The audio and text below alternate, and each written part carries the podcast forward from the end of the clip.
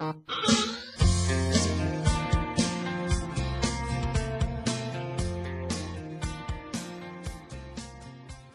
is Goed Gedacht, de podcast van Chris Taas.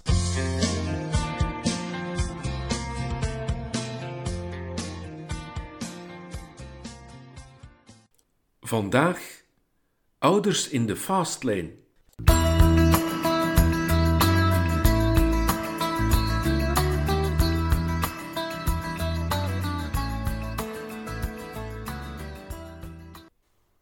Enkele weken geleden zat ik hier voor een gesprek met Ellen, mijn oudste dochter, over haar eetstoornis. En die podcast kan u nog altijd beluisteren onder de titel Smakelijk of niet. Maar vandaag zit ik hier met mijn jongste dochter, Karen. En hoe komt dat? Wel, Arthur, mijn kleinzoon, is nu net twee jaar. En dit vond ik het ideale moment om het met zijn mama, dus met Karen, even te hebben over de vraag hoe die kleine kerel haar leven en dat van haar partner heeft veranderd. Dag Karen, welkom bij de micro. Hallo papa. Je stond niet echt te springen om deze podcast te maken, omdat je dacht dat je niet zoveel te vertellen had, maar toen kwam Joris, je partner, met het idee om het te hebben over de vreugde en soms ook een beetje de pijn van het ouders zijn. En dus zit je hier. Klopt. De eerste vraag is: waarom kies je eigenlijk als koppel voor een kind? Moet je daarvoor niet heel veel opgeven van je vrijheid en van je sociale leven? Wij hadden eigenlijk allebei al een uh, hele grote kinderwens vanaf het begin van onze relatie. Gewoon, dat, dat zat in ons. Um, en we hebben eigenlijk niet echt nagedacht over de dingen die we zouden moeten opgeven. Um, we vonden gewoon op een bepaald moment dat de tijd rijp was en dat onze liefde groot genoeg was om die te delen met een derde persoon, een babytje. Hoe verliepen de eerste maanden na de geboorte? Arthur is jullie eerste kindje en natuurlijk hadden jullie wel veel gelezen over hoe jonge ouders met baby's best omgaan. Maar ik kan me inbeelden dat er toch nog onverwachte hinderpalen opdoken. Hoe zat dat bijvoorbeeld met de praktische aangelegenheden? Waren jullie op alles voorbereid? Of hebben jullie ook bepaalde dingen vergeten? Wel, praktisch gezien uh, waren we eigenlijk echt wel op alles voorbereid. Um, ik werd ook meteen thuisgezet van mijn job uh, als kleuterjuf op school. Dus ik had heel veel tijd om me in te lezen. Um, en daardoor hebben we ook wel gewoon aan heel veel dingen kunnen denken en hadden we tijd om de kinderkamer in orde te brengen, om kleertjes te kopen, om die te wassen en te strijken. Um, eigenlijk lag alles gewoon klaar. Ook het formaat van de pampers? Absoluut. Jullie wisten al voor de geboorte dat Arthur een duplexniertje had. Zorgde dat voor ongerustheid en, en voor bijkomende stress? Natuurlijk, die controles die we dan hadden in het ziekenhuis, dat was zeker wel een beetje stressvol. Uh, ik heb ook gehuild, ik heb ook mensen opgebeld. Uh, maar we zijn heel goed begeleid door de gynaecoloog en ook door de huisarts die, die ons echt gerustgesteld hebben. En ook nu uh, worden wij nog opgevolgd daarvoor. Ehm, ja, en alles gaat goed. En hoe is dat dan precies verlopen tijdens de zwangerschap en, en na de geboorte? Ja, tijdens de zwangerschap werd er eigenlijk gewoon tijdens de echo's extra gekeken naar zijn niertjes en of die niet een andere vorm aannamen dan, dan gewone, normale nieren. Um, en dan na zijn geboorte moesten we, net voordat we naar huis gingen, um, ook nog eventjes met hem een echografie laten nemen. En toen bleek wel dat die ene nier net iets groter was dan de normale nier. Um, dat was wel eventjes paniek, want dan moesten we ook een maand lang antibiotica geven voor het volgende onderzoek kon plaatsvinden. Maar ondertussen gaan wij nog regelmatig op controle. Nu ja, regelmatig. De vorige controle is al ondertussen een jaar geleden. Uh, maar alles was oké. Okay. En uh, binnenkort moeten we nog eens teruggaan en hopen we dat alles oké okay blijft. nog eens terug naar de periode net na de bevalling. Hoe verliepen die eerste dagen in de kraamkliniek? Uh, eigenlijk zaten wij allemaal in trance, zal ik maar zeggen. Ik, ik sliep bijna niet, omdat ik alleen maar kon kijken naar, naar dat kleine wondertje naast mij in, in dat superkleine bedje. Ja, dat was natuurlijk aanpassen, want dat is een heel ander ritme. En wakker worden s'nachts om voedingen te geven, maar ja, dat liep eigenlijk heel vlot. Dat ging gewoon. En zijn er momenten geweest waarop jullie toch een beetje met de handen in het haar zaten en niet goed wisten wat jullie moesten doen? Uiteraard niet zozeer in het ziekenhuis, omdat als je daar niet goed weet wat je moet doen, kan je altijd op het belletje duwen en dan staat er meteen iemand om te komen helpen. Uh, maar een keer dat we thuis waren, zeker wel. Arthur had last van zijn power hour. Dat was ongeveer een uurtje dat hij s'avonds heel luid begon te wenen en te brullen. En of we hem dan eten gaven of een pampertje verversten of hem heel veel knuffelden en ermee rond, rondliepen. Eigenlijk hielp niks echt. Uh, maar na een uurtje was dat dan over. Dus we wisten dat we dat uurtje gewoon moesten uitzitten. Zo'n kleine baby kan nog niet met woorden zeggen wat hij wil of wat er met hem scheelt. Hoe hebben jullie die niet-verbale signalen leren interpreteren? Dat is in het begin heel veel proberen. Um, als hij begon te huilen, dan moesten we kijken, ja, zit er iets in zijn pamper? Ja, nee. Oké, dan is het iets anders. Heeft hij misschien honger? Ja, dat zou wel kunnen. We proberen het. Of wil hij misschien een tut? Of, of wil hij geknuffeld worden? Um, ze zeggen soms wel eens dat je op termijn de geluidjes leert kennen en dat je leert welk weentje dat wat betekent, maar dat hebben wij niet echt ervaren. Wij zijn gewoon blijven proberen. En weet je nog wat zijn eerste woordje was? Niet echt. Um, Arthur is begonnen met heel veel klanken en is dan uit die klanken ja, verstaanbaarder beginnen te praten. En wij verstonden hem natuurlijk al sneller. Dat ging dan van mama naar auto naar papa. En was het eerst mama of was het eerst papa? Uh, hij heeft de eerste keer echt mama, mama, mama, mama ah, gezegd. dus ik vind dat het eerst mama is. en hoe waren de eerste maanden na de bevalling toen je thuis kon blijven om de hele dag bij Arthur te zijn? Ja, dat was fantastisch. We hadden ons die eerste maanden um, helemaal anders voorgesteld. Wij hadden verwacht dat er heel veel bezoek ging komen en uh, dat wij hem konden delen met heel de wereld. En toen kwam corona. Waren daar ook voordelen aan? Absoluut. We hebben heel veel tijd met hem kunnen doorbrengen en dat was fantastisch. Dat is ook heel waardevol. Uh, we hebben hem echt kunnen leren kennen. We hebben hem een plekje kunnen geven in ons gezin. Um, maar ja, dat bleef wel moeilijk om, om hem niet te kunnen delen, alleen maar via WhatsApp-video of via het raam waar dat we hem dan lieten zien aan de mensen die voorbij kwamen. Ja, dat breekt nog altijd wel een beetje mijn hart als ik daaraan terugdenk. Maar natuurlijk, de band die wij hebben kunnen opbouwen, die ja, neemt niemand ons meer af. Jullie hadden wel een zeer originele manier om de familie op de hoogte te houden via WhatsApp. Kan je daar iets meer over vertellen?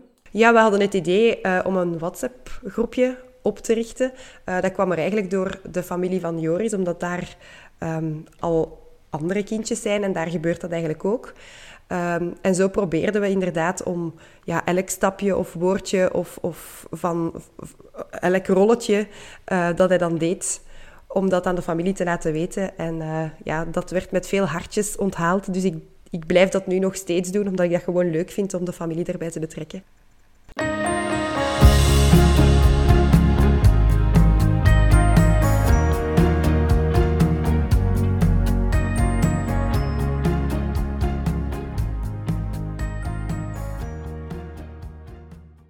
welke invloed had de komst van Arthur op jullie persoonlijke leven? Want de dynamiek in de relatie van een koppel verandert toch wel drastisch na de geboorte van een eerste kindje. Tot dan was al de tijd die jullie samen konden doorbrengen besteed aan jullie zelf. En plots kwam daar een derde meneertje in het spel die veel aandacht opeiste. Hoe hebben jullie dat opgelost? Ja, eigenlijk rol je daar ook gewoon een beetje in. Um, en hoe lossen we dat op? Ja, we hebben gewoon gepraat, heel veel gepraat. Als er iets was dat we moeilijk vonden of ja, iets dat opeens anders liep. Um, maar ja, die verandering onderga je gewoon. Maar ik kan natuurlijk niet ontkennen dat het echt wel alles veranderd heeft. en is jullie relatie door de komst van de baby dan fundamenteel anders geworden? Minder intens of, of net intenser? Ze is echt wel intenser geworden, omdat we ja, elkaar ook op een totaal andere manier hebben leren kennen ja, als Joris met Arthur bezig is, dan, dan smelt ik helemaal. Uh, ja, ik kan alleen maar zeggen dat ik nog verliefder geworden ben. Joris is inderdaad een fantastische papa die veel tijd besteedt aan de opvoeding van Arthur. Maar welke afspraken hebben jullie daarover gemaakt? Of, of loopt dat vanzelf? Eigenlijk hebben we daar nooit echt afspraken rond gemaakt. Ik denk dat wij het grote geluk hebben dat wij beiden in een, allez, in een gezin zijn opgegroeid waar dat we ongeveer dezelfde waarden en normen hebben meegekregen. Uh, waardoor dat, dat komt dat we diezelfde waarden en normen ook willen meegeven aan ons eigen kindje. En dat is inderdaad een beetje ongeschreven dat wij gewoon hetzelfde willen. In jullie leven is letterlijk niets nog vanzelfsprekend in die eerste levensjaren na de geboorte van Arthur. boodschappen doen, koken, met vrienden en vriendinnen bellen, tv kijken, Netflix-series binge-watchen. Hoe, hoe pakken jullie dat aan? Goh, hoe pakken we dat aan? Eigenlijk betrekken we hem echt gewoon bij alles. Ja, boodschappen doen, hij gaat dan wel eens mee in de winkelkar. Of we hebben Collect Go leren kennen, wat super handig is. Ehm, en voor de rest, ja, bellen, dat is nu gewoon af en toe met gekir op de achtergrond. We hebben gewoon aanvaard dat hij er nu bij is en dat hij deel uitmaakt. En wij hopen en merken ook wel dat onze omgeving dat ook doet, ehm, waardoor dat dan makkelijker wordt om hem daarin te integreren. Hebben jullie een groot verschil gemerkt tussen de eerste en de tweede golf van de coronacrisis, waar contacten eigenlijk heel streng beperkt waren, en de periode nadien? Ja, in het begin merkten we wel dat hij met grote drukte het een beetje moeilijk had. Uh, hij, had dat ook helemaal, hij was dat ook helemaal niet gewoon. Um, het was vaak één iemand die aan het raam kwam of in de tuin kwam of één ander gezin, maar nooit een hele familie. En we merkten wel dat hij daar allez, wat moeilijk mee had met al die drukte. Maar ondertussen is hij gewoon heel graag in het middelpunt van de belangstelling. ja, ik veronderstel dat er ook wel een en ander veranderd is in jullie professionele leven. Jij stond en staat bekend als een kleuterjuf die leeft voor haar job. Maar ook jouw dag heeft maar 24 uur en, veel van die minuten worden nu opgeëist door Arthur. Ja, hoe vind je daar een evenwicht in? Want heel veel jonge koppels of koppels met jonge kinderen hebben daar toch moeite mee. Die moeite ondervind ik zeker ook. Ik vind dat zeker geen evidentie om dat te doen. Er is natuurlijk één geluk. Arthur is heel vroeg wakker, dus die 24 uur beginnen ook vroeg. Eh, maar ik probeer echt wel de tijd die Arthur wakker is, met hem bezig te zijn en dan met, met Joris uiteraard, ja, voor hem te zorgen. En als hij dan slaapt, probeer ik efficiënter dan ervoor mijn tijd in te delen door ja, niet eerst nog een uur Instagram en Facebook te checken, maar gewoon te beginnen aan uh, mijn schoolwerk. Ja, en achteraf toch ook nog een beetje proberen te genieten met, uh, met Joris. en blijft het bij proberen of lukt het af en toe nog eens? Um, in het begin was dat heel moeilijk en uh, ja, hadden we daar ook wel eens uh, woorden over. Maar ondertussen lukt het toch al wel wat beter om ook tijd voor elkaar te maken. En eens te gaan eten of met vrienden af te spreken en ja, het even te vergeten. Jij staat in het onderwijs en dat heeft het grote voordeel dat je thuis bent tijdens de schoolvakanties maar ook wel het grote nadeel dat er weinig flexibiliteit is in jouw uurrooster als je eens uh, onverwacht op Arthur moet passen. Joris heeft dan weer het grote geluk dat hij af en toe kan telewerken en dat hij dus meestal beschikbaar is wanneer Arthur ziek is of, of zorg nodig heeft. Nu zorgt dat voor spanningen in de zin van ik moet weer thuis blijven en jij kan gaan werken? Eigenlijk valt dat heel goed mee, want Joris weet ook dat ik uh, ja, een job in het onderwijs heb en dat ik niet kan zeggen, ik ga even een uur later komen. Dat gaat gewoon niet. Um, maar het is natuurlijk wel eens gebeurd dat daar woorden over waren en uh, ja, dat hij het gevoel heeft dat hij daar altijd voor moet opdraaien. Um, maar ja, zoals jij zelf al aanhaalt, is het inderdaad zo dat ik wel heel wat vakantie heb en dat ik dan wel uh, op die momenten de manoeuvreerruimte heb om tijd te maken voor Arthur. Hebben jullie nog echt vrije tijd voor persoonlijke interesses en, en persoonlijke hobby's? Dat proberen we zeker wel in te lassen. Um, Joris gaat bijvoorbeeld lopen en volleyballen.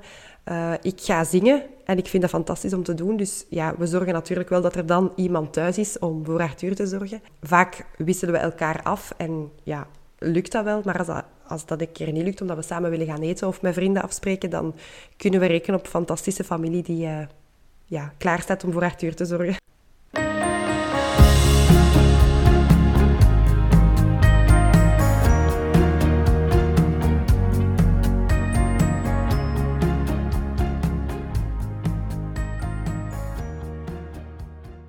Nu, in verband met de opvang van Arthur overdag, moeten we toch ook nog eens even hebben over jullie keuze om Arthur naar een crash te laten gaan.